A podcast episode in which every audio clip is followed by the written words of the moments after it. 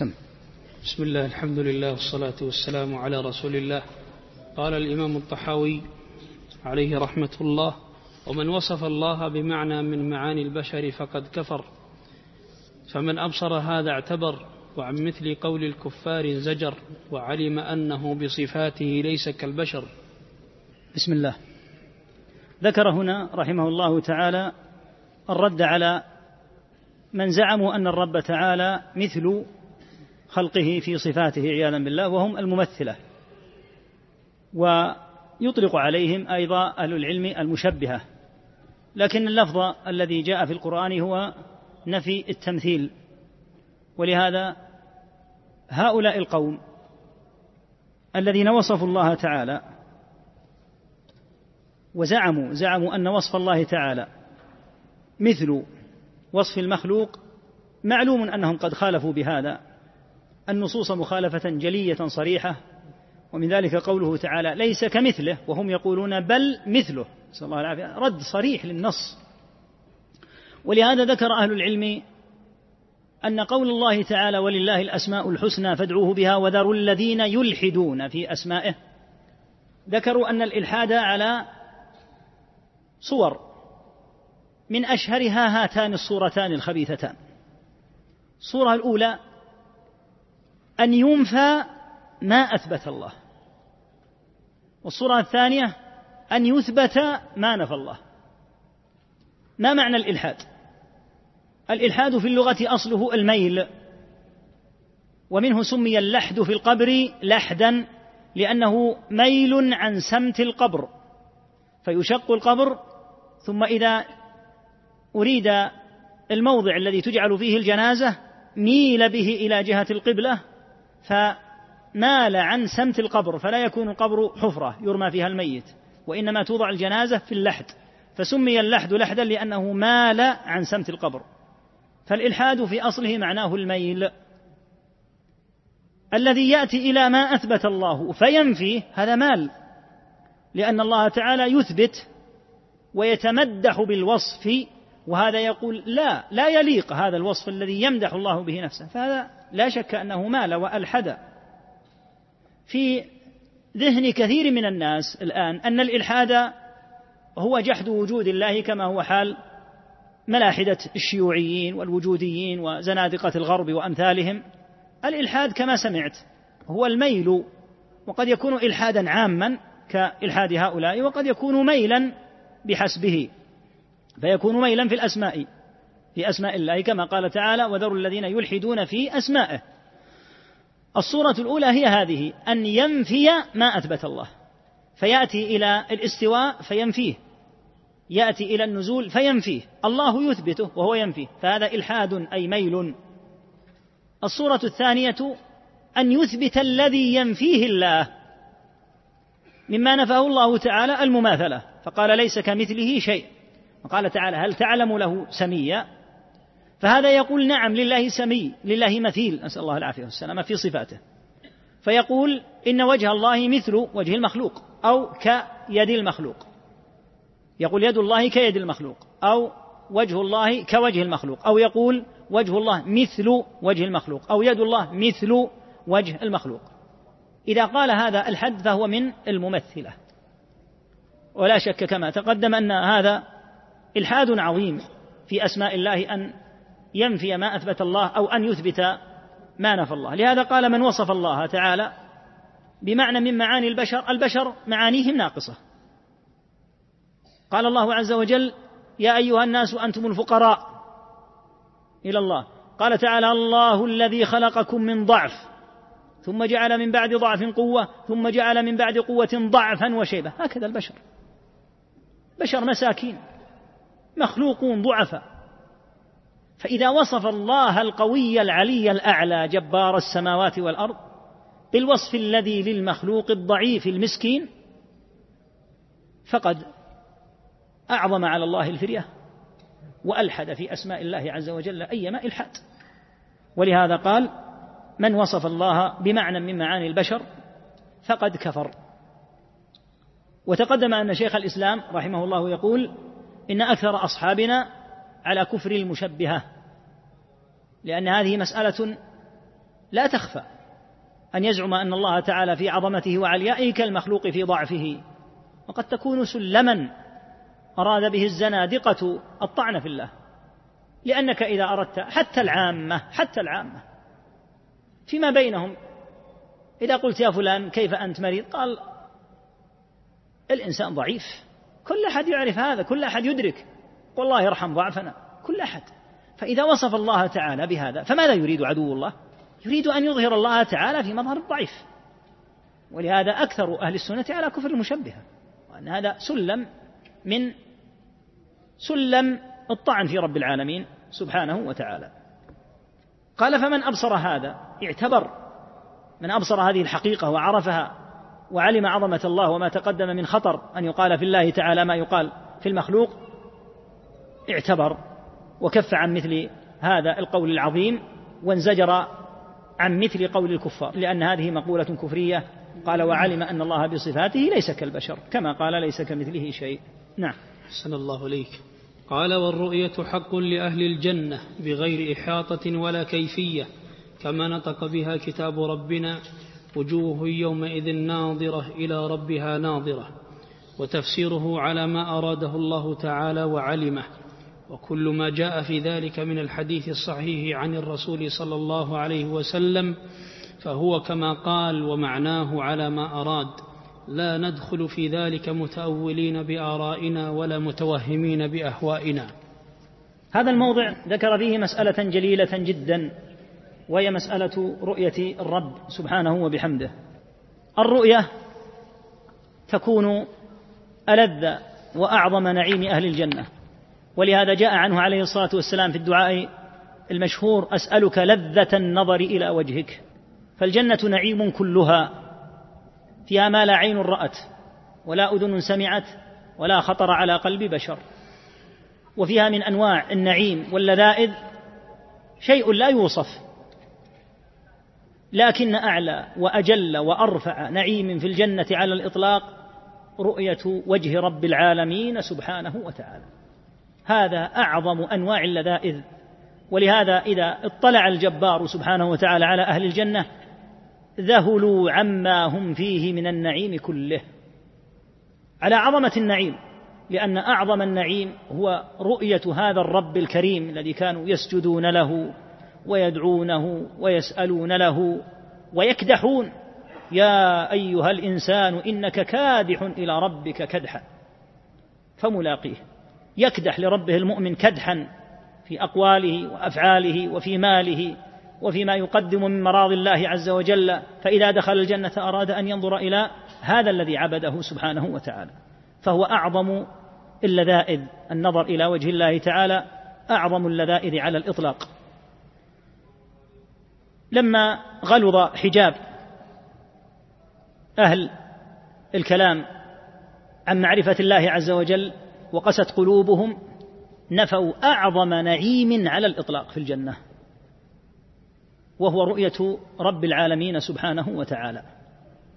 وهنا مساله دقيقه جدا اشار لها ابن الماجشون رحمه الله تعالى هم نفوا رؤيه الله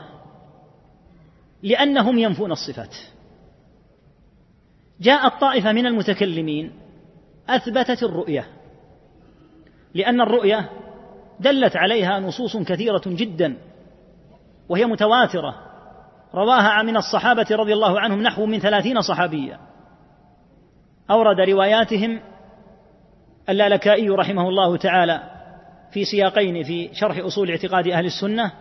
وذكر الآيات من القرآن وذكر الأحاديث المفسرة التي فسر فيها النبي صلى الله عليه وسلم بنفسه الآيات القرآنية دالة على الرؤية ومنها الحديث الصحيح الذي يرويه مسلم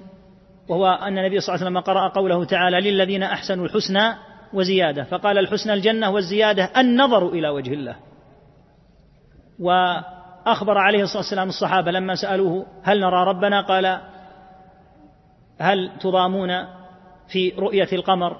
ليلة البدر هل تضامون في رؤية الشمس ليس دونها سحاب فإنكم ترونه تعالى كذلك حديث كثيرة جدا والمروي عن الصحابة رضي الله عنهم كثير وصنف الدار قطني رحمة الله عليه وأجزل الله له المثوبة كتابا سماه الرؤية جمع فيه النصوص في الرؤية وتتبعها ابن القيم في كتابه العظيم هذه الأرواح إلى بلاد الأفراح وذكرها فالأحاديث والأدلة كثيرة جدا والآثار عن السلف وهي مسألة إجماع عند السلف رضي الله تعالى عنهم وارضاهم وهي من الشعارات الجليه على السنه ونفيها من الشعارات الجليه على البدعه اهل البدع تورطوا في هذا الموطن ورطه كبيره اثبتوا الرؤيه بعضهم اثبت الرؤيه ونفوا الصفه صفه الوجه والرؤيه الى الوجه فتناقضوا تناقضا عظيما فالرؤيه لوجه الله كما في الحديث اسالك لذه النظر الى وجهك فالذي ينفي الوجه ويثبت الرؤيا يتناقض ولهذا كان شياطين المعتزلة مصرين على الأمرين على نفي وجه الله تعالى صفة الوجه وعلى نفي الرؤية ولهذا قال رحمه الله تعالى والرؤية حق يعني إثباتها حق واجب وهي من الاعتقاد الذي يضلل من نفاه حق لأهل الجنة اختار أن الرؤية تكون لأهل الجنة واختلف أهل العلم رحمهم الله تعالى في الرؤية من جهة هل الذين يرون الله تعالى أهل الجنة فقط وهل لا يرى إلا في الجنة فقط أم لا على أقوال منهم من يقول إن المؤمنين يرونه في الجنة كما هو اختيار الطحاوي رحمه الله ومنهم من يقول دلت النصوص على أن الله تعالى يرى في القيامة كما في البخاري في صحيح البخاري ما يدل على أن الله تعالى يرى في القيامة فيراه المؤمنون في الموقف في القيامة ويرونه في الجنة هذه الأمة فيها منافقها فيرون الله جميعا ثم يحتجب سبحانه وتعالى فلا يراه إلا المؤمنون قول آخر أنه يراه جميع الخلق المؤمن والكافر لكنه يحتجب عن الكفار كما قال تعالى إنهم عن ربهم يومئذ لمحجوبون فيحجبون بعد أن رأوه وإثبات الرؤية في الجنة هذا لا شك أنه محل إجماع عند أهل السنة جميعا ولا يخالف في هذا إلا الضلال من مخالف أهل السنة كالجهمية والمعتزلة ومن نفى هذه المسألة العظيمة نثبت الرؤية لكن لا ندخل في كيفية الرؤية لأن أمور الغيب انما تتلقى من النصوص مما ننفي نفيا فيما يتعلق بالرؤيه الاحاطه لان الله تعالى لا يحاط به لا في الدنيا ولا في الاخره لا يحاط به لا من قبل ملك ولا من قبل نبي ولا من قبل احد لان هذا منفي بقوله تعالى يعلم ما بين ايديهم وما خلفهم ولا يحيطون به علما فالاحاطه منفيه وهناك فرق بين الاحاطه والرؤيه وهذا مما ضلت فيه المعتزلة فصاروا يستدلون على نفي الرؤية بالأدلة التي تنفي الإحاطة الإحاطة منفية في الدنيا والآخرة ولا يمكن أن يحاط بالله أبدا لكن الرؤية غير الإحاطة ومما استدلوا به قوله تعالى لا تدركه الأبصار وهو يدرك الأبصار قال أهل السنة استدلالكم بآية فيها نفي الإدراك على نفي الرؤية لقلة فهمكم فإن الإدراك شيء غير الرؤية والدليل على هذا قوله تعالى فلما تراءى فلما تراءى الجمعان قال أصحاب موسى إنا لمدركون قال كلا إن معي ربي سيهدين فحصلت الرؤية ونفيت ونفي الإدراك فالذي يستدل على نفي الرؤية بالنصوص الدالة على نفي الإدراك لم يفهم المسألة لأن الإدراك منفي في الدنيا والآخرة والله أعظم وأجل من أن يحاط به لا في الدنيا ولا في الآخرة حتى أهل الجنة لا يحيطون بالله فالإحاطة شيء منفي لكن الرؤية لوجه الكريم المنان هذا أعظم لذائذ أهل الجنة فهذه المسألة مما ضلت فيها طوائف ضلت فيها المعتزلة وضل فيها نفاة الصفات أو تناقضوا بأن أثبتوا الرؤية ونفوا الوجه مع أن الرؤية تكون إلى الوجه وهكذا مخلفات المعتزلة مما ينبغي أن يعرف طالب العلم أن مقولة المعتزلة وإن اندثرت فرقة تسمى المعتزلة إلا أن مقولة المعتزلة عند ثلاث طوائف الطائفة الأولى الزيدية الطائفة الثانية الرافضة الاثنا عشرية الطائفة الثالثة الإباضية فهؤلاء مقولتهم مقولة المعتزلة ونقلوها عن المعتزلة وإذا رددوا شبها فهي شبه المعتزلة أخذوها لهذا قال شيخ الإسلام إنك يقصد ابن المطهر الرافضي إنك قد نقلت قول المعتزلة نقل المسطرة يقول هذا الكلام ليس من الرافضة أصله عند المعتزلة فنقلتموه فهذه العقيدة الخبيثة ورثتها هذه الطوائف الضالة الثلاث الاثنا عشرية الرافضة والزيدية والإباضية فصاروا يقولون بمقولات المعتزلة مع أنهم يعادون المعتزلة ويستدلون بنفس أدلة المعتزلة فإذا أراد السني النقض عليهم أرجع القول للمعتزلة وقال هذه مقولة المعتزلة سرقتموها منهم وأنتم تضللون المعتزلة وبعضكم يكفر المعتزلة ثم يأخذ قول المعتزلة ويستدل بأدلة المعتزلة سرقة ونقلا وهذا يدل على أن مذاهبهم غير محررة الرافضة ركزت على مسألة الإمامة وبقيت مسائل الاعتقاد الأخرى غير محررة عندهم لهذا قال شيخ الإسلام إنهم لا يقومون بغيرهم فالتفتوا في بقية المسائل لمقولة المعتزلة وأخذوها من المعتزلة وإلا أوائل الرافضة مشبهة وأواخرهم معطلة فمقولتهم غير محررة كما ذكر شيخ الإسلام رحمه الله تعالى أهل السنة يثبتون الرؤية لله عز وجل بغير إحاطة ولا يقال أوضح لي كيفية رؤية الله تعالى في الآخرة هذه إلى الله سبحانه وتعالى لكن أصل الرؤية وإثبات أن الرب تعالى ينظر إلى وجهه الكريم سبحانه وتعالى لا شك فيه قال كما نطق كتاب ربنا وجوه يومئذ ناظرة إلى ربها ناظرة ناظرة بالضاد أخت الصاد من النضارة والبهاء والحسن إلى ربها ناظرة أخت الطاء الضاء هنا أخت الطاء من النظر والنظر يكون بالوجه فهذه من الأدلة والأدلة كثيرة ومنها الحديث ومنها الآية للذين أحسنوا الحسنى وزيادة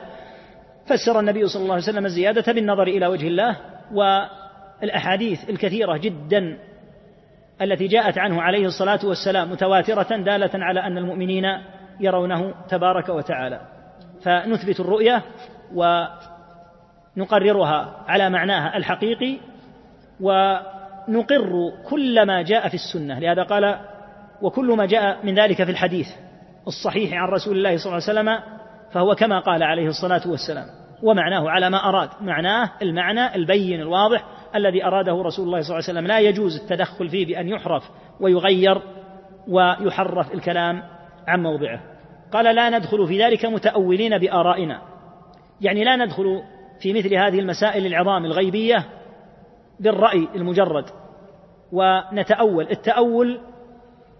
باصطلاح المتأخرين اصطلحوا على أن التأويل معناه صرف الكلام عن معناه الظاهر وإلا فأصل التأويل في القرآن وفي لغة السلف رضي الله عنهم أصل التأويل هو التفسير والمعنى الثاني حقيقة الشيء كما قال تعالى هل ينظرون إلا تأويله يعني حقيقته التي تكون عليها الأمور في القيامة يوم يأتي تأويله يقول الذين نسوه من قبل قد جاءت رسل ربنا بالحق تأويل الجنة والنار حقيقتها التي يراها الناس كما قال تعالى ورأى المجرمون النار النار التي كانوا يكذبونها رأوها حقيقة فتأويلها هو حقيقتها نفسها لهذا قال تعالى هذه النار التي كنتم بها تكذبون فحقيقة النار تأويل النار هو حقيقة النار حقيقة ما يكون في الآخرة حين يعاين الناس ويطالعون ذاك الأمر الذي يكون في الآخرة والنوع الثاني والمعنى الثاني هو التفسير يقال تأويل هذه الآية أي تفسيرها جاء المتأخرون بمعنى باطل سموا التحريف للنصوص تأويلا فإذا لم يرق لهم نص من النصوص قالوا هذا يؤول يعني لا يريدون أن يقولوا يحرف فسموا تحريفهم تأويلا لهذا قال رحمه الله لا ندخل ذلك في ذلك متأولين بآرائنا ولا متوهمين باهوائنا فلا يكون عن طريق الراي المجرد ولا عن طريق الاوهام والظنون هذه امور غيبيه عظام تتلقى من النصوص ويترك القول بلا علم من التوهمات والاراء والاراء التي ما انزل الله بها من سلطان ثم قال فانه ما سلم في دينه الا من سلم لله عز وجل ولرسوله صلى الله عليه وسلم لا يسلم الانسان الا اذا سلم لله تعالى هناك امور عظيمه ابتلى الله تعالى بها العباد ومنها ما يكون في الدنيا ومنها ما لا يكون في الدنيا الدنيا هذه التي نحن فيها هناك ما نبصره وهناك ما لا نبصره قال تعالى فلا اقسم بما تبصرون وما لا تبصرون الملائكه عليهم صلاه الله وسلامه مع العبد له معقبات من بين يديه ومن خلفه يحفظونه من امر الله وملك عن اليمين وملك عن الشمال ما يلفظ من قول إلا لديه رقيب عتيد ولا يراهم ويؤمن بهم المؤمن ولا يقول لا أؤمن حتى أرى لأنك إذا كنت لن تؤمن إلا إذا رأيت اشترك الكافر والمسلم في هذا كل أحد مقر أن الشمس تشرق من المشرق ما تحتاج هذه إلى مزيد كلفة وتعب هذه مسألة يقبل بها الكافر والمسلم لكن التسليم لله عز وجل أن تؤمن بالغيب الذي أخبرك به سبحانه وتعالى وأخبر به صلى الله عليه وسلم فتؤمن بهذا ثقة بخبر الله وخبر رسوله صلى الله عليه وسلم مما تؤمن به ما يكون في الآخرة أيضا ومما تؤمن به ما يكون في القبر من نعيم وعذاب وأحوال وأهوال وغيرها كل هذا يؤمن به العبد فيؤمن بأمور الغيب لله عز وجل مسلما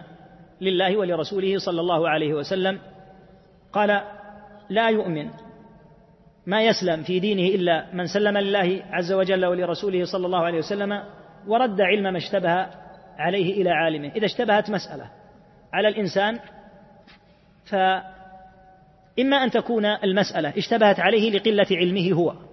والله تعالى يقول وفوق كل ذي علم عليم فيسأل من هو أعلم منه لأن الاشتباه إما أن يكون خاصا بفرد بعينه فيكون اشتباها جزئيا يقول هذا الشخص اشتبهت عليه المسألة فيجليها له من هو أعلم منه وإما أن يكون أمرا مشتبها عاما فإذا كان أمرا قد انفرد الله تعالى بعلمه فإنه لا يدخل فيه ويحال أمره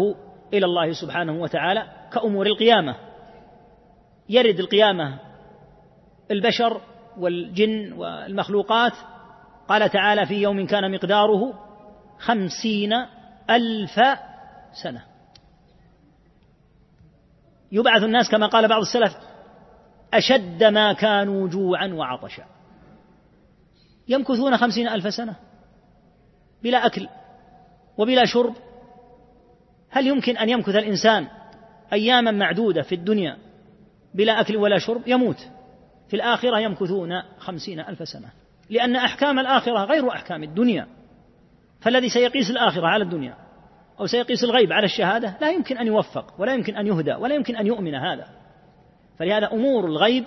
لا يحيط بها إلا الله عز وجل ولهذا جعل الله حتى في الدنيا أمورا تعد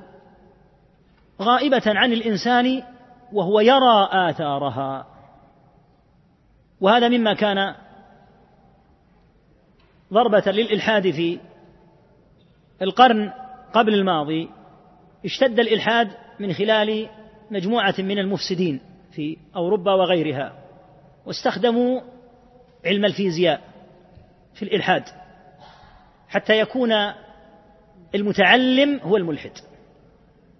والذي لا يفهم هو الذي يؤمن فانتشر الإلحاد عندهم انتشارا عظيما فأبى الله إلا أن يريهم ما وعدهم سنريهم آياتنا في الآفاق وفي أنفسهم حتى يتبين حتى يتبين لهم انه الحق فانهارت عندهم مساله تعريف الماده ووجدت اشياء لها نتائج وهي لا تخضع للنظر لانهم يقولون لا نؤمن الا بما يمكن ان يخضع للتجربه فظهرت نتائج لمقدمات يعلمون ان هذه المقدمات انتجت تلك النتائج ما الذي بينهما مما أوصل إلى تلك النتائج لا يعرفونه فرأوا النتيجة وعندهم المقدمة ولا يدرون ما بينهما فكانت ضربة للإلحاد كبيرة لكن كما قال تعالى حتى يتبين حتى يتبين لهم أنه الحق فإذا تبين لهم أنه الحق قد يكابرون ويعاندون المهم أنه تبين فالحاصل أن ثمة أمورا كثيرة لا يدركها الإنسان ومنها انتقال الأمراض بأمر الله عز وجل ومشيئته سبحانه وبحمده في هذه الامراض التي يشاء الله تعالى ان تنتقل هذا الانتقال لهذه الامراض ليس امرا يرى ينتقل من هذا الشخص شيء حسي الى شخص اخر يعرفها الاطباء تبصر قد لا تبصر وعبر عنها بانواع الميكروبات او غيرها المهم انها اشياء قد انتشرت في البشر وإن قيل إنها يمكن أن ترى بالمكبرات أو غيرها إلا أن انتشارها كان شائعا وشديدا جدا في البشر لا يدركون ذلك وتظل أمور أخرى أيضا غير مدركة فتنتشر أمراض لا يدرى ما الذي ينقل هذا المرض الناس تموت من مرض مؤكد أن ثمة شيئا ينقله لا يطعنون بسكاكين ولا يرمون برصاص غيب فلا أقسم بما تبصرون وما لا تبصرون هذا في الدنيا فكيف بالآخرة التي هي غيب محض والذي لن يؤمن بأمور الآخرة إلا إذا رأى ما يدل عليها في الدنيا هذا لن يؤمن لكن المقصود أن المؤمن يؤمن بهذه الأمور ثقة بخبر الله عز وجل وخبر رسوله ويسلم لله سبحانه وتعالى قال أهل العلم ولهذا جعل الله تعالى الروح التي في الإنسان آية الروح هذه غيب مع أنها روحك ما دامت الروح بين جنبيك فحتى لو سقط الانسان من اعلى الجبال الشاهقه وادخن جسمه بالجراح ما دامت الروح فيه فهو حي واذا خرجت روحه بامر الله عز وجل وهو في كامل صحته وشبابه مات ما هذه الروح يا ابن ادم الذي يريد ان يتسلق على امور الغيب التي لا يراها اعرفت روحك التي بين جنبيك حتى تتسور على الغيب الروح هذه كما قال الله تعالى ويسألونك عن الروح قل الروح من أمر ربي وما أوتيتم من العلم إلا قليلا إذا لم تعرف روحك التي بين جنبيك فلماذا تتسور على الجنة والنار والآخرة والغيوب التي لا يحيط بها إلا علام الغيوب سبحانه وتعالى فلهذا قال أهل العلم إن الله تعالى جعل الروح عبرة للعبد حتى إذا أراد أن يتسور على الغيوب رجع إلى نفسه وقال هل أدركت الغيب الذي بين جنبي حتى أتسور على غيوب ليس إليها سبيل هذا للمعتبرين ولهذا قال صلى الله عليه وسلم إن الروح إذا خرج تبعه البصر بأمر الله سبحانه وتعالى الميت إذا مات تشخص عيناه هكذا لأنه يرى الروح لا إله إلا الله التي كانت في جنبه لكن متى إذا مات فإذا شخصت عين الميت كان من المشروع لمن حوله أن يغمضها حتى لا تستمر مفتوحة لأنها إذا أغمضت وهو في أول حياة في أول مماته تستمر مغلقة وإلا تستمر ما الذي جعل البصر يشخص أنه رأى الروح كما قال صلى الله عليه وسلم إن الروح إذا خرجت تبعها البصر ينظر الميت إلى روحه التي خرجت متى صار له شيء من النظر إلى روحه لما خرجت أما وهو حي فما أوتيتم من العلم إلا قليلا فأمور الغيب هكذا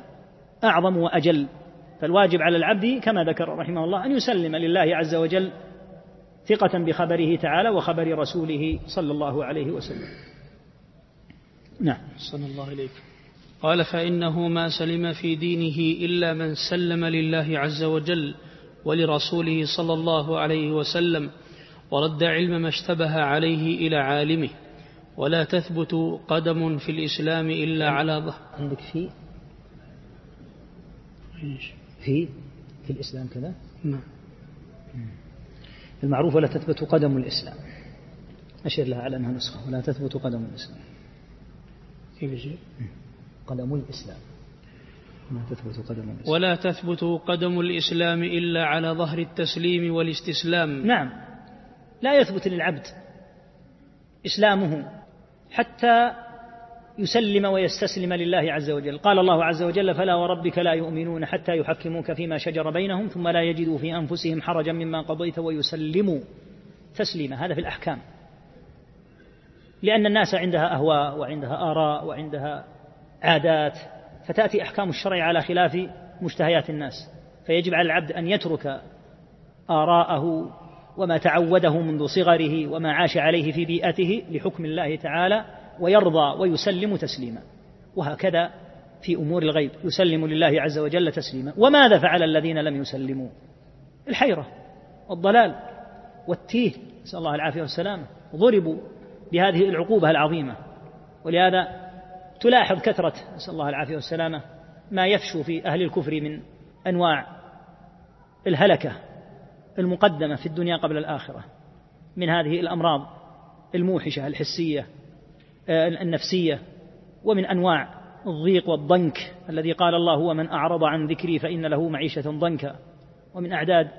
المهلكين لأنفسهم المنتحرين عيشة ضنك لم يسلموا لله تعالى ولم يستسلموا فكانت معيشتهم في هذه الدنيا على أصعب وأشد ما يكون من الضنك والضيق نسأل الله العافية والسلامة ولعذاب الآخرة أشد وأبقى نعم قال فمن رام علم ما حضر عنه علمه ولم يقنع بالتسليم فهمه فهمه, فهمه حجبه مرامه عن خالص التوحيد وصافي المعرفة وصحيح الإيمان فيتذبذب بين الكفر والإيمان والتصديق والتكذيب والإقرار والإنكار والإنكار موسوسا تائها شاكا لا مؤمنا مصدقا ولا جاحدا مكذبا ولا يصح الإيمان بالرؤية لأهل دار السلام لمن اعتبرها منهم بوهم أو تأولها بفهم إذ كان تأويل الرؤية وتأويل كل معنى يضاف إلى الربوبية بترك التأويل ولزوم التسليم وعليه دين المسلمين ومن لم يتوقع النفي والتشبيه زل ولم يصب التنزيه في هذا الموطن بين أن من رام وطلب علم أمر حضر عنه كالغيب الغيب محجوب كاسمه غيب غائب الغيب هو ما غاب عنك فالذي يريد ان يعلم الغيوب الله تعالى يقول قل لا يعلم من في السماوات والارض الغيب الا الله قال تعالى قل ان ربي يقذف بالحق علام الغيوب وقال تعالى عالم الغيب فلا يظهر على غيبه احدا الا من ارتضى من رسول فانه يسلك من بين يديه ومن خلفه رصدا ليعلم ان قد ابلغوا رسالات ربهم واحاط بما لديهم واحصى كل شيء عددا فالغيب لله كما قال تعالى فقل إنما الغيب لله الغيب لله وقد حجب سبحانه وتعالى غيوبا كثيرة وإنما أطلع الأنبياء عليهم الصلاة والسلام على غيوب معينة حتى تكون دليلا على نبوتهم فأما الغيوب من حيث هي فهي لله كما قال فقل إنما الغيب لله الغيب لله عز وجل وقد يطلع الأنبياء على بعض الغيوب للتدليل على نبوتهم عليهم الصلاة والسلام لكن يطلعون على بعض الغيوب أما بقية الغيوب فإلى الله يقول رحمه الله من رام طلب علم ما حضر عنه علمه من هذه الأمور الغيبية ولم يقنع بالتسليم فهمه الذي تقدم أنه لا بد أن يسلم لله حجبه مرامه أي حجبه مطلبه الذي طلبه من التسور على الغيبيات عن خالص التوحيد ولهذا تجد الذي يتمنى على الغيبيات لا يكون ذا توحيد مخلص لأنه يتعنت على الغيوب ولا يريد أن يسلم لله عز وجل علام الغيوب يقول حجبه هذا عن خالص التوحيد وصافي المعرفة وصحيح الإيمان إذا حجب عن خالص التوحيد ولم تصف له المعرفة بالله عز وجل ولم يكن ذا إيمان صحيح ما الذي يحدث له فيتذبذب أي يضطرب ويتردد بين الكفر والإيمان وبين التصديق والتكذيب وبين الإقرار والإنكار ما الذي يحدث له بعد ذلك؟ يحدث له بعد ذلك عذاب هائل في الدنيا وهو الحيرة نسأل الله العافية والسلامة وقد أصيب هؤلاء الذين تعنتوا وأبوا التسليم لله ورسوله صلى الله عليه وسلم أصيبوا بحيرة عظيمة جدا ولهم في ذلك عجائب وأشعار وإنباء عن حالهم حتى قال الرازي الأشعري في آخر كتاب صنفه سماه أنواع اللذات قال في ضمن كلام له لقد تأملت الطرق الكلامية والمذاهب الفلسفية فما رأيتها تشفي عليلا ولا تروي غليلا ورأيت أقرب الطرق طريقة القرآن أقرأ في الإثبات الرحمن على العرش استوى إليه يصعد الكلم الطيب وأقرأ في النفي ليس كمثله شيء قال ومن جرب مثل تجربتي عرف مثل معرفتي ثم ذكر أبياتا يبين فيها أنه مضطرب متذبذب والعياذ بالله يقول في ضمنها نهاية إقدام العقول عقال إقدام العقول على هذه الامور التي لا يجوز ان يدخل فيها بالعقل نهايه الاقدام هذا عقال تعقل كما يعقل البعير ولن يصل الانسان الى شيء بدخوله في عقله بعقله فيما لا يجوز ان يدخل فيه نهايه اقدام العقول عقال واكثر سعي العالمين ضلال ثم تامل ما قال وارواحنا في وحشه من جسومنا الروح اذا كانت متوحشه من الجسم نسال الله العافيه والسلامه متى تجد الراحة والهناءة الإنسان إذا كان سجينا في سجن عادي فإنه يستوحش فإذا خرج خرج بجسده وروحه إلى السلامة من هذا السجن فإذا كانت الروح مسجونة في الجسم نسأل الله العافية والسلامة فمتى تسلم وأرواحنا في وحشة من جسومنا وحاصل دنيانا أذى ووبال ولم نستفد من بحثنا طول عمرنا سواء جمعنا فيه قيل وقالوا يقول هذا الذي حصلنا قالت الفلاسفة قالت المعتزلة قالت الجهمية قالت الكلابية هذا الذي حصلنا وكم من جبال قد علت شرفاتها رجال فبادوا والجبال جبال إذا رأيت الرجل على الجبل كأن الرجل يعني في مظهره هذا تسور الجبل يقول سيموت يزول هذا والجبل جبل ما تأثر فصور حالا عجيبة من حالهم ولهم في هذا نسأل الله العافية أقوال كثيرة ذكرها الشارح كقول الغزالي أبي حامد أكثر الناس شكا عند الموت أهل الكلام نعوذ بالله يعني أنهم عياذا بالله في أواخر أعمارهم تساء خواتمهم نعوذ بالله السبب هو هذا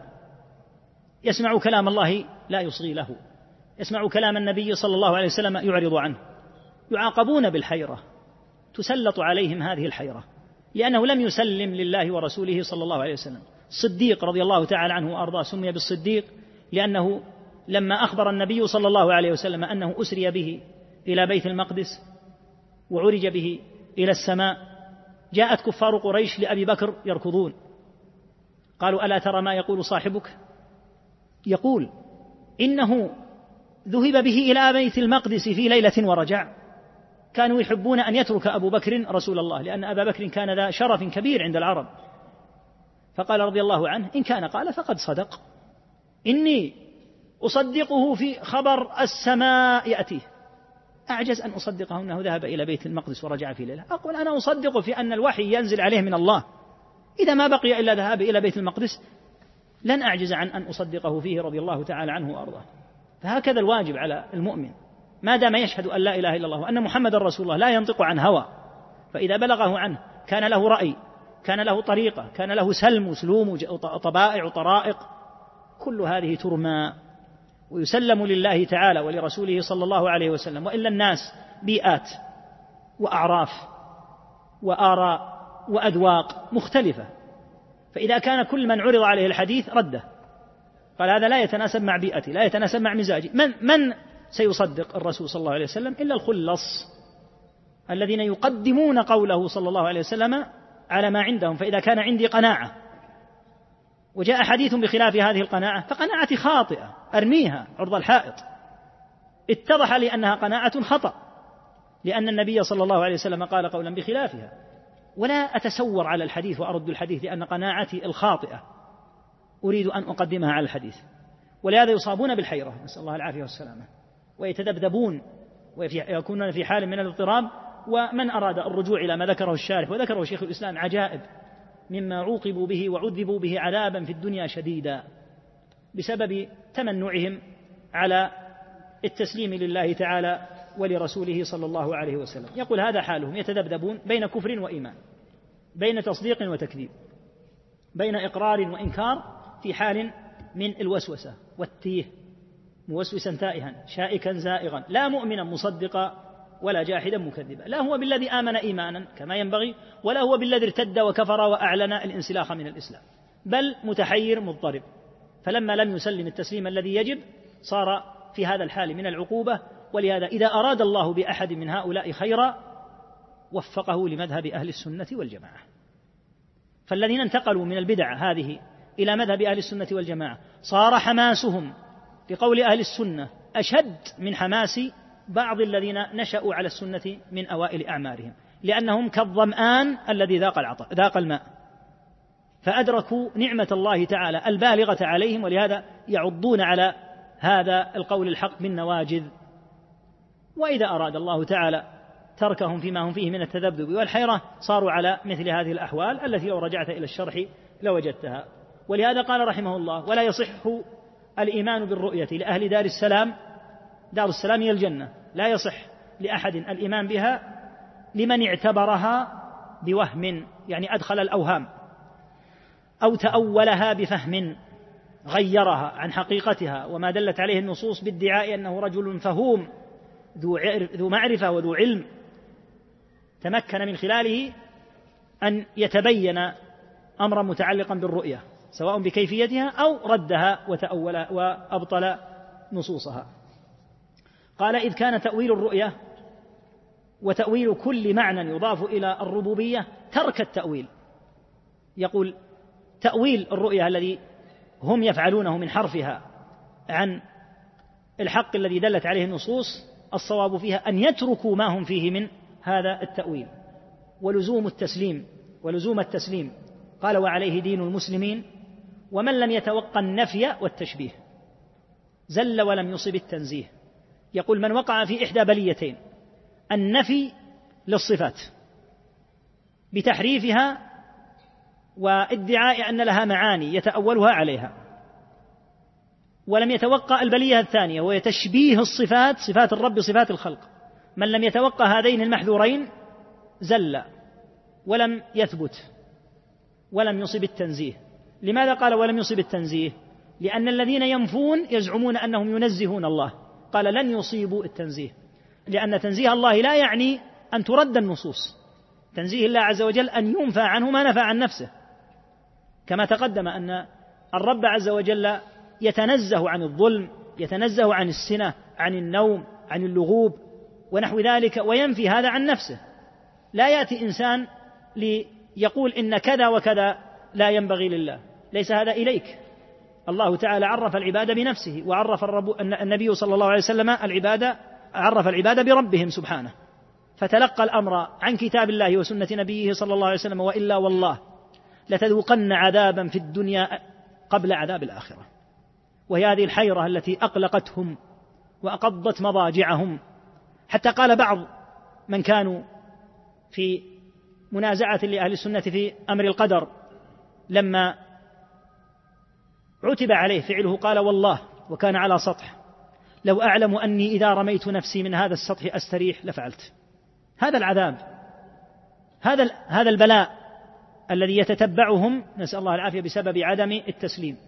محمد رسول الله صلى الله عليه وسلم رسول الله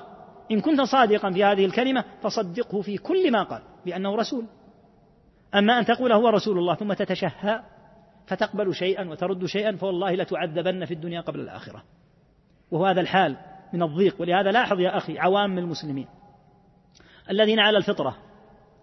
لا يعرفون بلايا المعتزلة والأشعرية والرافضة والماتريدية وأمثالهم انظر إلى طيب قلوبهم وصلاح إيمانهم وأنهم يعيشون في أطيب ما يكونون من العيش مقبلون على الصيام والقيام والذكر وهم في أحسن ما يكونون من راحة البال مع ما هم فيه من الأمراض الجسدية بعض الأحيان من أنواع الأمراض لكنهم في طيب قلوبهم يعيشون معيشة من أحسن ما يكون لأنهم على فطرة سوية أما هذا الذي يزعم أنه صاحب فهم وصاحب دراية سيتسور على النصوص لا يعذبن في الدنيا قبل الآخرة وعذاب الله عز وجل أنواع نسأل الله العافية والسلامة ومنه هذا الضنك ومن أعرض عن ذكري فإن له معيشة ضنكا نسأل الله العافية فسرت بعذاب القبور من النبي صلى الله عليه وسلم وذكر أهل العلم أن الضنك حتى في الدنيا بأن يعيش معيشة الكدر وضيق الصدر لتمنعه على كلام الله وكلام رسوله صلى الله عليه وسلم وعقوبات الله نعوذ بالله من عقوباته أنواع منها عقوبات عامة تأتي إلى البلدان والأمم فتدهمهم ومنها عقوبات خاصة بأن يسلط الله تعالى على العبد عدم التوفيق وعدم الراحة للبال وضيق الصدر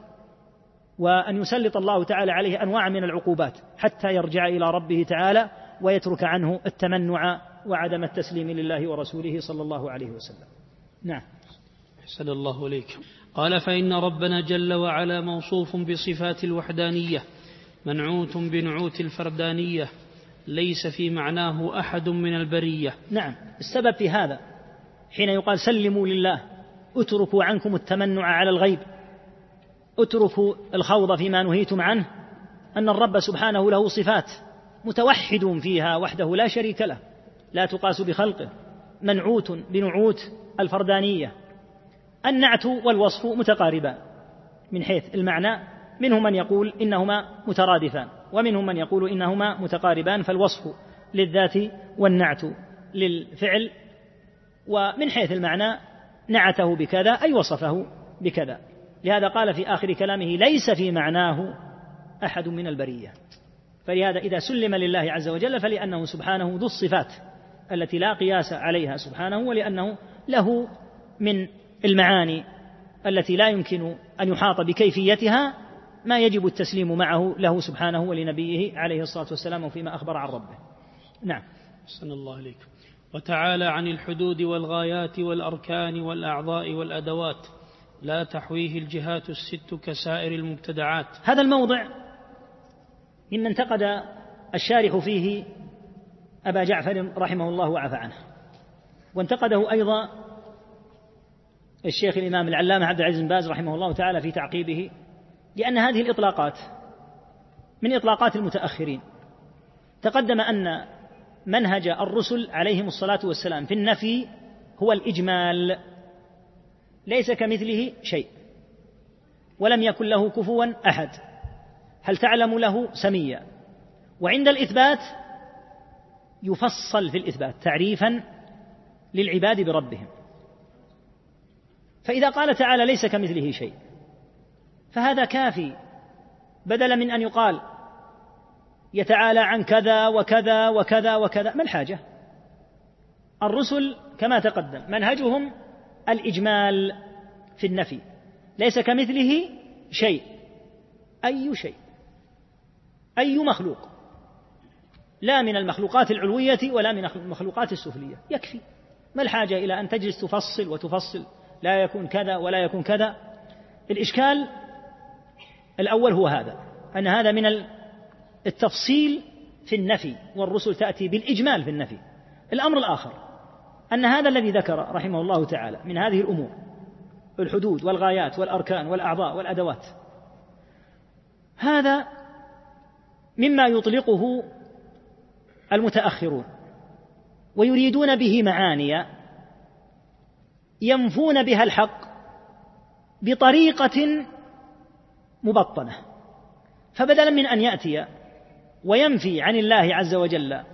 وصفا من أوصافه يعبر بتعبير آخر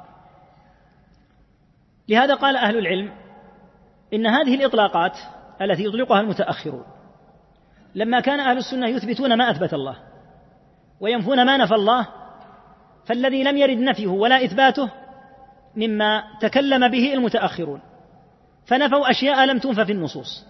أو أثبتوا أشياء لم تثبت في النصوص فالواجب في مثل هذه المصطلحات التي جدت وحدثت الواجب أن يفصل ويقال ماذا تريدون بهذه الإطلاقات لأنهم في بعض الأحيان يطلقون الكلمة ويريدون بإطلاقها حين ينفون يريدون نفي الحق فيقال إطلاقكم للكلمة باطل ومرادكم نفي الحق وراء هذه الكلمة أيضا باطل فاللفظ باطل والمعنى الذي أردتموه باطل وإذا أطلقوا هذه الأشياء وقالوا إنا نريد أن ننفي بها ما نفاه الله يقال إطلاقكم خاطئ ومقصدكم مما أردتم نفيه حق لكن لماذا لا تعبرون بالتعبير الشرعي الوارد في النصوص لماذا تلجؤون إلى ألفاظ مجملة قد يطلقها المعتزلة والجهمية وقد يطلقها من يريد الحق وقد يطلقها من يريد الباطل وفي من؟ في الله عز وجل فعبروا عن العلم بالله بالألفاظ الواردة في النصوص حتى تسلموا لأنك إذا قلت إني أثبت أن الله تعالى يرى بالأبصار لا يستطيع أحد أن يرد عليك لأنك تورد عليه النصوص أما إذا أطلق كلمة تحتمل كذا وكذا فهذا وجه من وجوه الإشكال ولا شك ولهذا ذكر الشيخ عبد العزيز بن باز أن هذا الكلام فيه إجمال قال رحمه الله قد يستغله أهل التأويل والإلحاد في أسماء الله وصفاته وليس لهم بذلك حجة لأن مراد الطحاوي رحمه الله تنزيه الباري سبحانه وتعالى عن مشابهة المخلوقات لكنه أتى بعبارة مجملة تحتاج إلى تفصيل حتى يزول الاشتباه ثم تكلم عن مقصده ومراده فيقال إنه ينبغي أن لا تطلق هذه الألفاظ وأن يعبر دائما عن الأسماء والصفات نفيا أو إثباتا بالتعبير الشرعي حتى لا يتوصل بمثل هذه الكلمات إلى نفي الحق أو إثبات الباطل وهو ما فعله بعض شراح هذه العقيدة من أهل الزيغ قالوا هذا يدل على أن الطحاوية ينفي حقيقة الصفات وليس هذا مراده رحمه الله تعالى كما سيأتي إن شاء الله ولهذا قلنا إن ابن أبي العز والشيخ رحمه الله قال إنه لا بد أن يجمع كلامه في سائر العقيدة حتى يتبين لأن الرجل يثبت الصفات رحمه الله لكن أطلق مثل هذه الكلمات فصارت كلمات محتملة وهذا يدل على أنه ينبغي أن يعبر بالإطلاقات الشرعية ولهذا تأمل إذا وقعت بين بعض طلبة العلم الآن بعض الأمور التي فيها خلاف في كثير من الأحيان تجد السبب أنه عبر بتعبير غير التعبير الشرعي لأن التعبير الشرعي إذا استعمله الناس في الإثبات لم يستطع أحد أن يرد الإثبات وإذا استعمل في النفي لم يستطع أحد أن ينفي أن يثبت ما نفته النصوص الشرعية فتستخدم عبارات تتسبب في إشكال وتشويش بين طلبة العلم ولهذا ينبغي ألا يدخل في إحداث عبارات مثل هذه وأن يلجأ إلى التعبير عن الحق بالكلام الحق وهو كلام الله وكلام رسوله صلى الله عليه وسلم وشرح مراده رحمه الله تعالى يطول في هذا والمقام مقام يعني اختصار ولهذا ذكر الشارح رحمه الله أن هذه العبارات الناس فيها ثلاثة على ثلاثة أقسام طائفة تنفيها مطلقا وطائفة تثبتها مطلقا وطائفة وهم أهل الحق يفصلون يقول هذه الإطلاقات إن أريد بها كذا فذلك حق لكن عبر باللفظ الشرعي وإن أريد التوصل بها إلى نفي الحق فقد استخدمت للوصول إلى باطل فلأجل هذا ينبغي التعبير بالتعبير الشرعي وأن تترك مثل هذه الألفاظ حتى لا تتسبب في شيء من التشويش نعم قال والمعراج حق وقد أسري بالنبي صلى الله عليه وسلم وعرج بشخصه في اليقظة إلى السماء ثم إلى حيث شاء الله من العلا وأكرمه الله بما شاء وأوحى إليه ما أوحى ما كذب الفؤاد ما رأى فصلى الله عليه وسلم في الآخرة نعم. والأولى ذكر هنا أمرا يتعلق بالنبي صلى الله عليه وسلم لاحظ مثل ما قلنا أن العقيدة هذه غير مرتبة الكلام السابق ذكره متعلقا بالصفات ثم عاد الآن هنا ليذكر شيئا متعلقا بالنبي صلى الله عليه وسلم حيث ذكر أمر المعراج المعراج الآلة التي عرج بالنبي صلى الله عليه وسلم فيها وعندنا شيئان الإسراء والمعراج وقع في ليلة واحدة فالإسراء كما قال تعالى سبحان الذي أسرى بعبده ليلا من المسجد الحرام إلى المسجد الأقصى فالإسراء هو من مكة إلى بيت المقدس أما المعراج فهو العروج بالنبي صلى الله عليه وسلم إلى السماوات العلى والحديث في هذا ثابت عنه عليه الصلاة والسلام و دل الحديث على علو الله عز وجل بجلاء لأن النبي عليه الصلاة والسلام أخبر بأنه رأى في السماوات عددا من أنبياء الله فرأى في السماء الأولى آدم رأى في السماء السادسة الخامسة هارون رأى في السادسة موسى رأى في السابعة إبراهيم عليهم جميعا صلاة الله وسلامه قال ثم ارتفع بي إلى مستوى أسمع فيه صريف الأقلام أي أقلام الكتبة ثم كلمه الله تعالى كفاحا وفرض عليه خمسين صلاة ثم نزل فلما جاء السماء السادسة قال له موسى عليه الصلاة والسلام إن أمتك لا تطيق ذلك فارتفع به جبريل ثانية إلى الرب تعالى فصار يتردد بين الرب وبين موسى عليه الصلاة والسلام حتى قضى الله تعالى أن تكون الصلوات خمسا وأجرها أجر خمسين من فضله تعالى ومنته فهذا مما يقر به أهل الحق وقد عرج به عليه الصلاة والسلام وأوحى الله تعالى إليه سبحانه ما شاء أن يوحيه أما الإسراء فقد أسري به إلى بيت المقدس عليه الصلاة والسلام كما تقدم قال وعرج بشخصه في اليقظة لا شك أن النبي عليه الصلاة والسلام عرج به بروحه وجسده وأسري به بروحه وجسده لقوله تعالى سبحان الذي أسرى بعبده وقوله بعبده تشمل الجسد والروح فإذا قلنا الإنسان فنقصد جسده وروحه عرج بشخصه الكريم صلوات الله وسلامه عليه في اليقظة لا شك أنه في اليقظة ولو كانت رؤيا من الرؤى لما استنكرها كفار قريش لو قال إني نمت في المنام فرأيت كذا وكذا وكذا لما استنكروه لكن لأنه, لأنه عروج حقيقي بشخصه الكريم صلى الله عليه وسلم بجسده وروحه وإسراء حقيقي بجسده وروحه عليه الصلاه والسلام فلاجل هذا استنكروها وشنعوا على النبي صلى الله عليه وسلم ما شنعوا فالعروج به والاسراء به يقظه لا مناما عري به الى السماء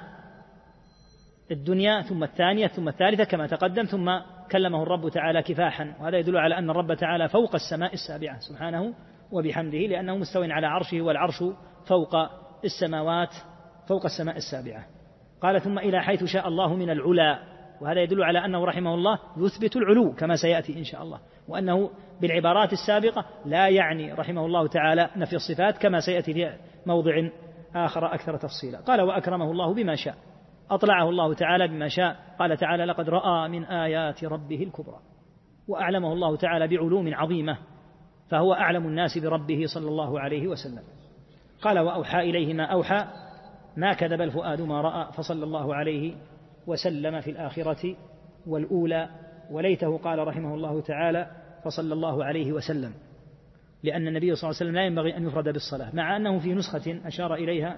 فيها أنه قال فصلى الله وسلم عليه وهذا هو المظنون به لأن أهل العلم يقولون ينبغي أن يصلى ويسلم فلا يقال كان الرسول عليه السلام يقال عليه الصلاة والسلام قال الله تعالى يا أيها الذين آمنوا صلوا عليه وسلموا تسليما فلا يقال عليه الصلاة فقط أو عليه السلام ينبغي أن يكمل أن تكمل الصلاة والتسليم عليه صلى الله عليه وسلم تسليما كثيرا نعم أحسن الله عليكم قال رحمه الله تعالى والحوض الذي أكرمه الله تعالى به غياثا لأمته حق الحوض هو مجمع الماء هذا من حيث معنى الحوض والحوض هذا يكون في عرصات القيامة حين يأتي الخلائق في حال من العطش العظيم الهائل فيكون هذا الحوض مجمعا للماء لرسول الله عليه الصلاة والسلام له حوض جاء في وصف هذا الحوض أن عرضه وطوله مسيرة شهر هذا يدل على الطول العظيم والكبر العظيم لهذا الحوض وأن ماءه أحلى من العسل وأشد بياضا من اللبن وفيه من الكيزان والأكواب على عدد نجوم السماء من ورده نسأل الله الكريم فضله لم يظمأ بعده أبدا ويذاد دون هذا الحوض عياذا بالله أهل الارتداد فالمرتدون يأتون ليشربوا فتذودهم الملائكة كما تذاد الإبل الصعاب ويردون عياذا بالله تعالى عن الحوض وأخبر عليه الصلاة والسلام عن بعض أمته أنهم يردون عن الحوض ومنهم من قال في الحكام فمن صدقهم بكذبهم لم يرد علي الحوض يعني الذي ياتي اليهم بدلا من ان ينصحهم اذا راهم على باطل صدقهم في الكذب واعانهم على ظلمهم قال فليس مني ولست منه ولن يرد علي الحوض فثمه ذنوب عياذا بالله تحجب العبد عن ان يرد الحوض نعوذ بالله من ذلك كثيرا وممن يذاد المرتدون ومنهم الذين ارتدوا بعد وفاته عليه الصلاة والسلام فإن هؤلاء يذادون ويردون دون الحوض يقول حق حق لثبوته في النصوص وقد ذكر الحافظ بن كثير رحمه الله تعالى أحاديثه في آخر كتابه العظيم البداية والنهاية وذكر عن ثلاثين من الصحابة رضي الله تعالى عنهم وأرضاهم أمر الحوض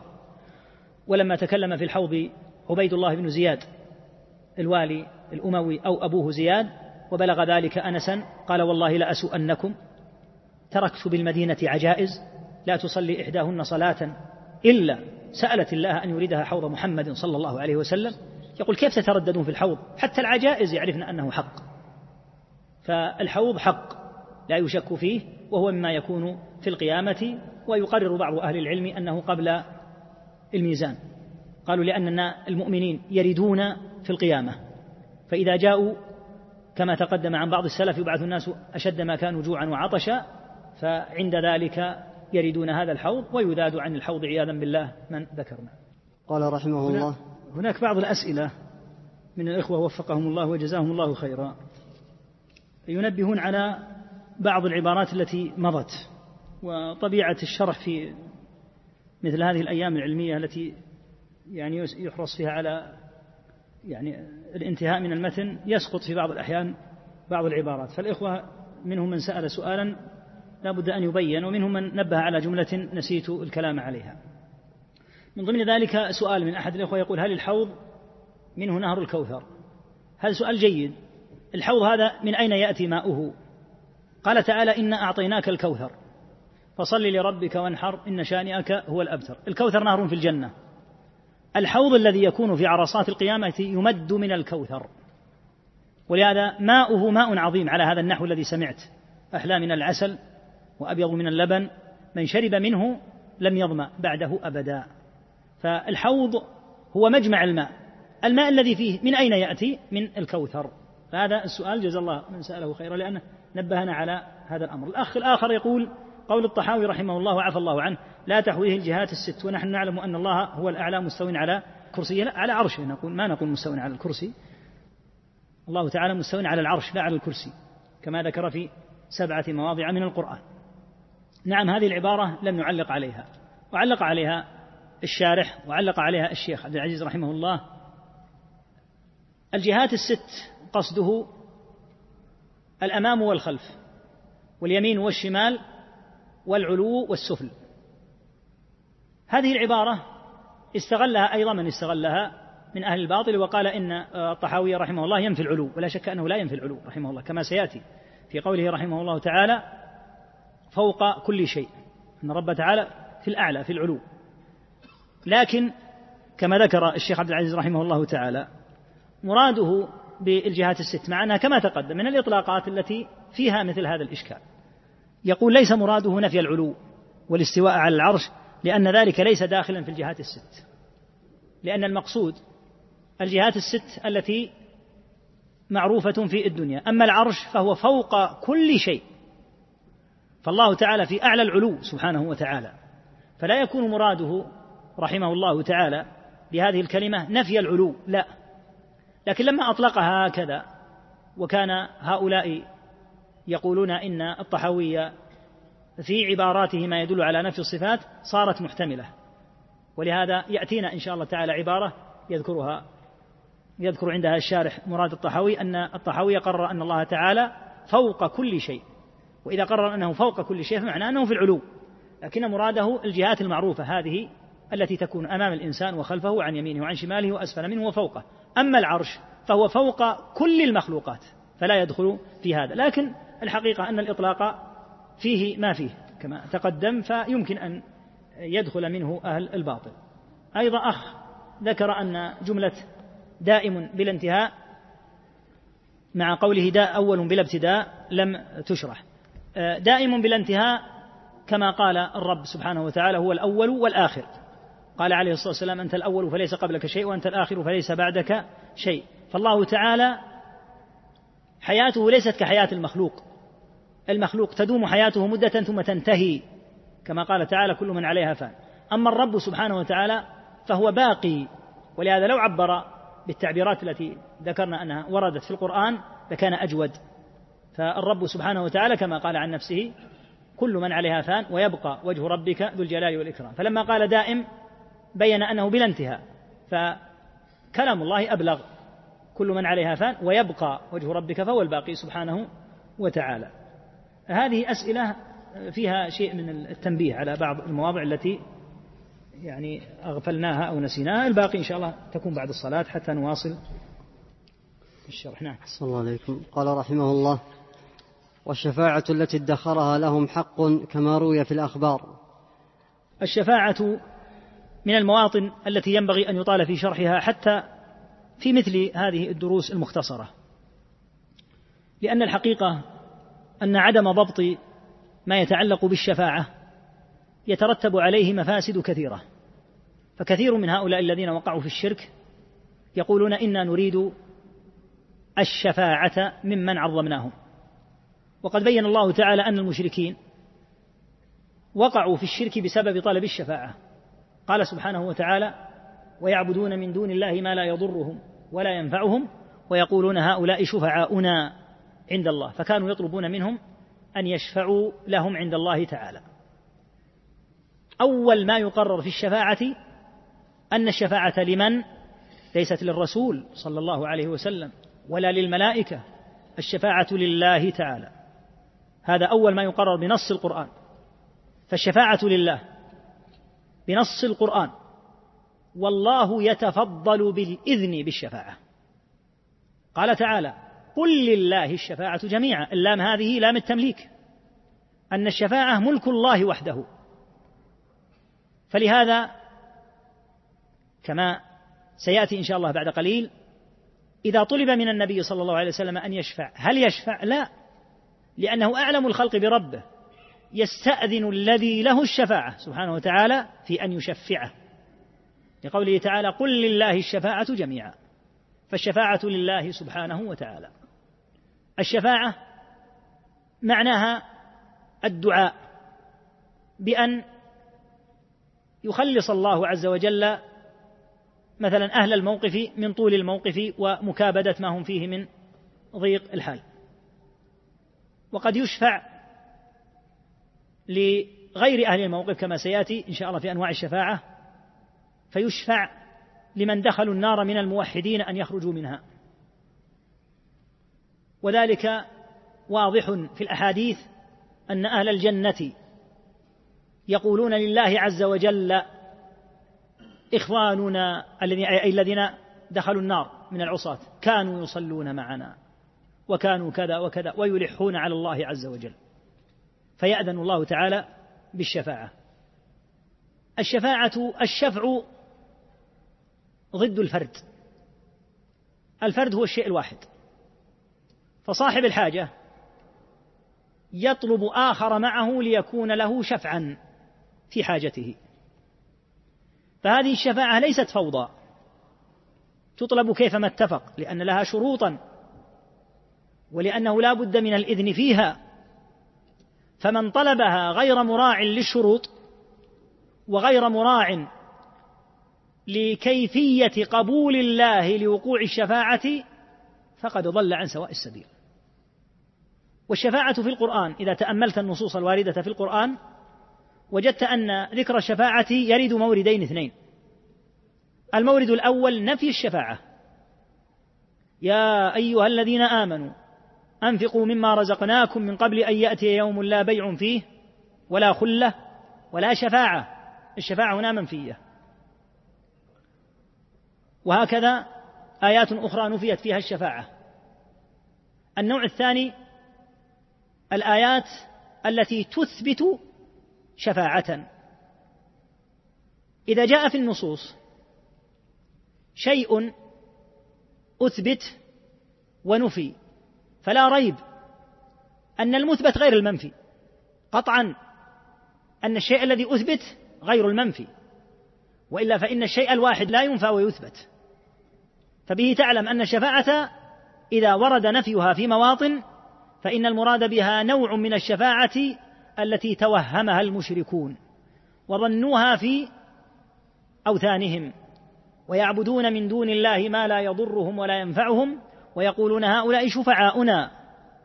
قال تعالى لا بيع فيه ولا خلة ولا شفاعة يعني على هذا الوهم الذي كان عليه المشركون ولهذا إذا أتوا في القيامة يقال لهم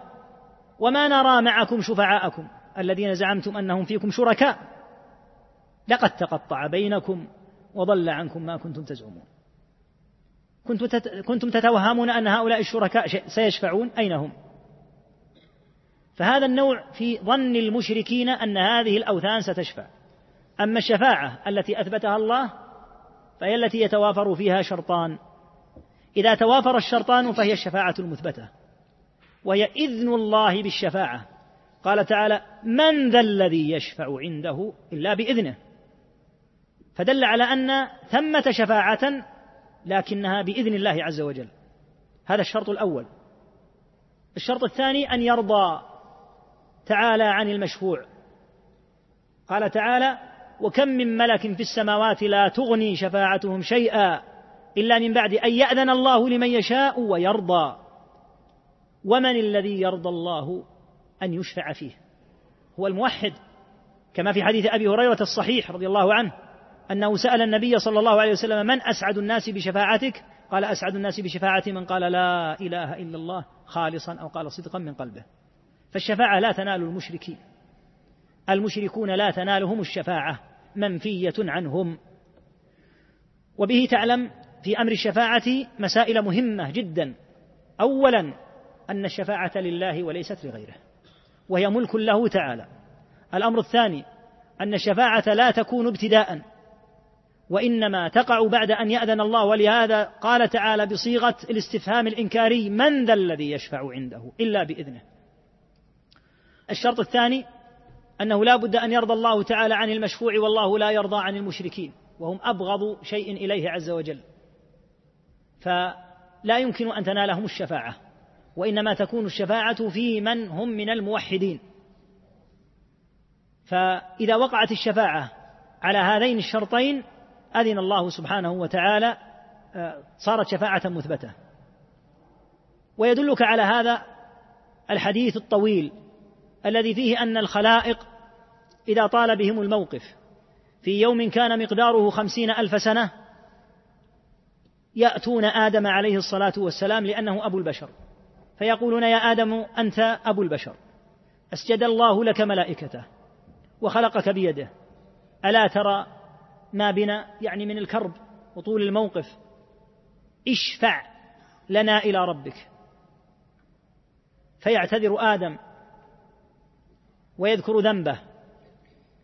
ويحيلهم على نوح عليه الصلاة والسلام فيأتون نوحا فيقولون أنت أول الرسل إلى أهل الأرض وسماك الله عبدا شكورا اشفع لنا الى ربك الا ترى الى ما بنا فيعتذر ويحيلهم الى ابراهيم عليه الصلاه والسلام ثم يعتذر ابراهيم فيحيلهم الى موسى ثم يعتذر موسى فيحيلهم الى عيسى ثم يعتذر عيسى فيحيلهم الى محمد صلى الله عليه وسلم وعليهم اجمعين كم بقي الناس خمسون ألف سنة لم يؤذن في الشفاعة لأن الشفاعة لله ولا يجرؤ أحد أن يشفع حتى يأذن الله والأنبياء أعلم الناس بالله فليس الواحد منهم إذا قيل له اشفع ذهب وشفع لأن الشفاعة لا بد أن يأذن الله بها إذا أتوا النبي صلى الله عليه وسلم وقالوا اشفع لنا إلى ربك وذكروا له شيئا من خصاله الكريمة صلى الله عليه وسلم غفر الله لك ما تقدم من ذنبك وما تأخر اشفع لنا إلى ربك هل يشفع يقول أنا لها عليه الصلاة والسلام ثم يخر تحت العرش ساجدا مستأذنا عليه الصلاة والسلام جاء في بعض الروايات أنه يظل ساجدا أسبوعا قال فأخر ساجدا جمعة يعني مدة أسبوع يعبر عن الأسبوع بالجمعة يقال كما في حديث انس رضي الله عنه لما ذكر الصحابي الذي طلب الى النبي صلى الله عليه وسلم ان يدعو ويستسقي قال فلم نرى الشمس سبتا يعني مده اسبوع يعبر عن الاسبوع بمثل هذا فيخر جمعه يعني اسبوعا ويفتح الله عز وجل عليه بمحامد لم يكن يعرفها صلى الله عليه وسلم محامد عظيمه يحمد الله عز وجل بها ويظل ساجدا هكذا عند ذلك يأذن الرب الذي يملك الشفاعة فيقال يا محمد ارفع رأسك وسل تعطى واشفع تشفع هنا أتى الإذن وعند ذلك يشفع صلوات الله وسلامه عليه أنه أعلم بربه أن يشفع قبل أن يؤذن له لأن الله تعالى يقول من ذا الذي يشفع عنده إلا بإذنه فعند ذلك يشفع الأمر الثاني كما قلنا رضا الله عن المشفوع والله لا يرضى إلا عن أولي الإيمان فبه تعرف أمر الشفاعة وتضبطه ضبطا جيدا لأن الذين خلطوا في أمر الشفاعة قد وقعوا في الشرك وتسبب هذا منهم في إشاعة الشرك وصاروا يهتفون بأسماء الأنبياء والملائكة والصالحين يقولون حتى يشفعوا لنا مع أن الشفاعة لا تكون إلا بعد إذن الله تعالى بالنصوص التي سمعت والنصوص في هذا كثيرة جدا الدالة على مثل هذا المعنى يأتي أمر أنواع الشفاعة الشفاعة أوصلها الشارح إلى أنواع ثمانية وبعض أهل العلم أوصلها إلى أنواع ستة منها ما هو خاص بالنبي صلى الله عليه وسلم لا يشركه فيه أحد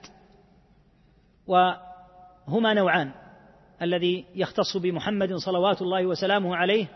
النوع الاول المقام المحمود الذي قال الله عسى ان يبعثك ربك مقاما محمودا وهو الشفاعه للخلائق بعد طول الموقف وشده العناء بان ياذن الله تعالى في فصل القضاء وهي الشفاعه العظمى هذه خاصه به هو صلى الله عليه وسلم وهي التي يعتذر عنها الانبياء عليهم جميعا صلاه الله وسلامه النوع الثاني شفاعة خاصة بعمه أبي طالب حيث شفع فيه عليه الصلاة والسلام وقد استوجب النار لا أن يخرج منها لأن الكفار قد قضى الله أن يكونوا في جهنم وبئس المصير لكن في أن يخفف عنه فكان في الدركات عياذا بالله فشفع فيه فصار في ضحضاح من نار يعني أخف يجعل تحت أخمص قدمه عياذا بالله جمرة يغلي منها دماغه هذا بعد أن خفف عنه العذاب أما الدركات فأشد وأعظم فشفع شفاعة خاصة في عمه لا بخروجه من النار ولكن بتخفيف العذاب عنه دلت على هذا النصوص وأنواع أخرى من الشفاعات ومن أعظمها وأشهرها وأكثر ما جاءت به النصوص الشفاعة لأهل الكبائر من أمة من الموحدين بأن يخرجوا من النار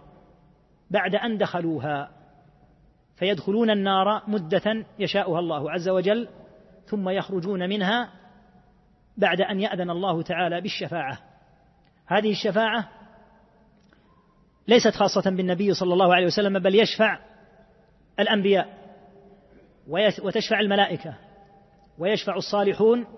ويشفع الأفراط الصغار هؤلاء الذين ماتوا قبل الحنث يشفعون لآبائهم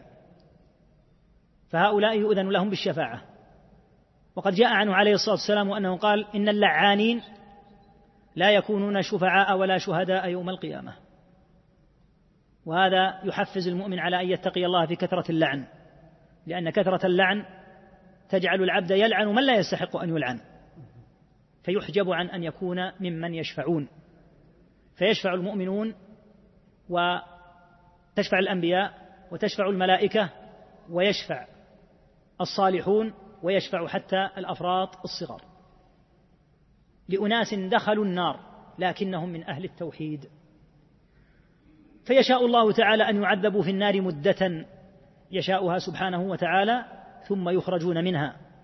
ويسمون الجهنميين وتكون لهم علامه في الجنه اذا دخلوها يسمون بهذا الاسم ثم انهم يسالون الله تعالى ان يزيل عنهم هذا الاسم فيزال عنهم يخرجون من النار أعاذنا الله وإياكم منها وقد امتحشوا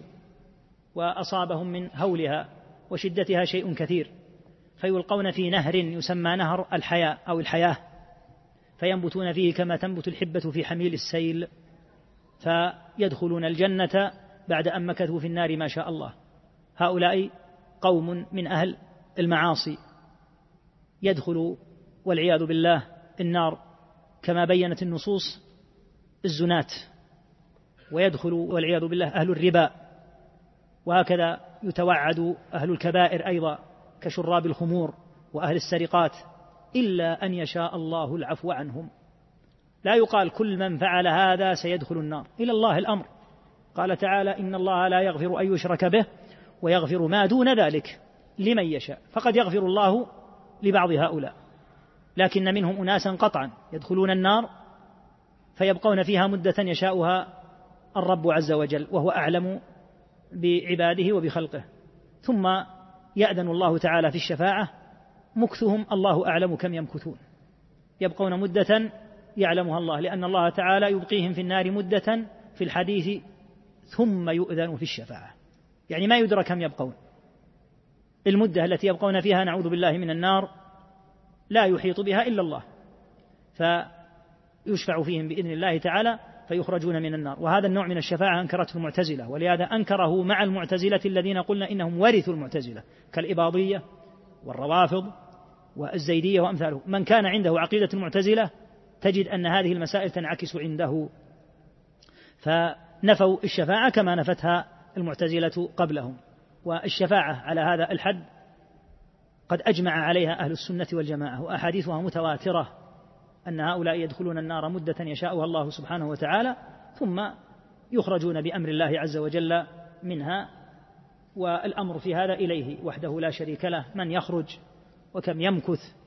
والمدد ونحو ذلك هذا كله يحال إلى علام الغيوب سبحانه وتعالى لكن لا شك في أمر الشفاعة وهي من الشعارات الكبار لأهل السنة كالرؤية هناك شعارات بينة الرؤية الشفاعة أصحاب النبي صلى الله عليه وسلم ما يتعلق بصفات الله هذه معالم كبار جدا لأهل السنة يخالف فيها رؤوس من رؤوس الضلال وقد يوافقون في مسائل أخرى يعني قد توافق بعض الفرق الضالة في مسألة الشفاعة ويخالفون في الصفات قد توافق فرق أخرى في أمر الصحابة رضي الله عنهم ويخالفون في أمر القدر وهكذا فأهل الضلال متلونون ولكن المؤمن المهم أن يضبط الاعتقاد الحق لا تنظر إلى من هلك كيف هلك ولكن انظر إلى من نجا كيف نجا العبرة بالنجاة من هذا الحال بالعبرة من النجاة من سخط الله وعقابه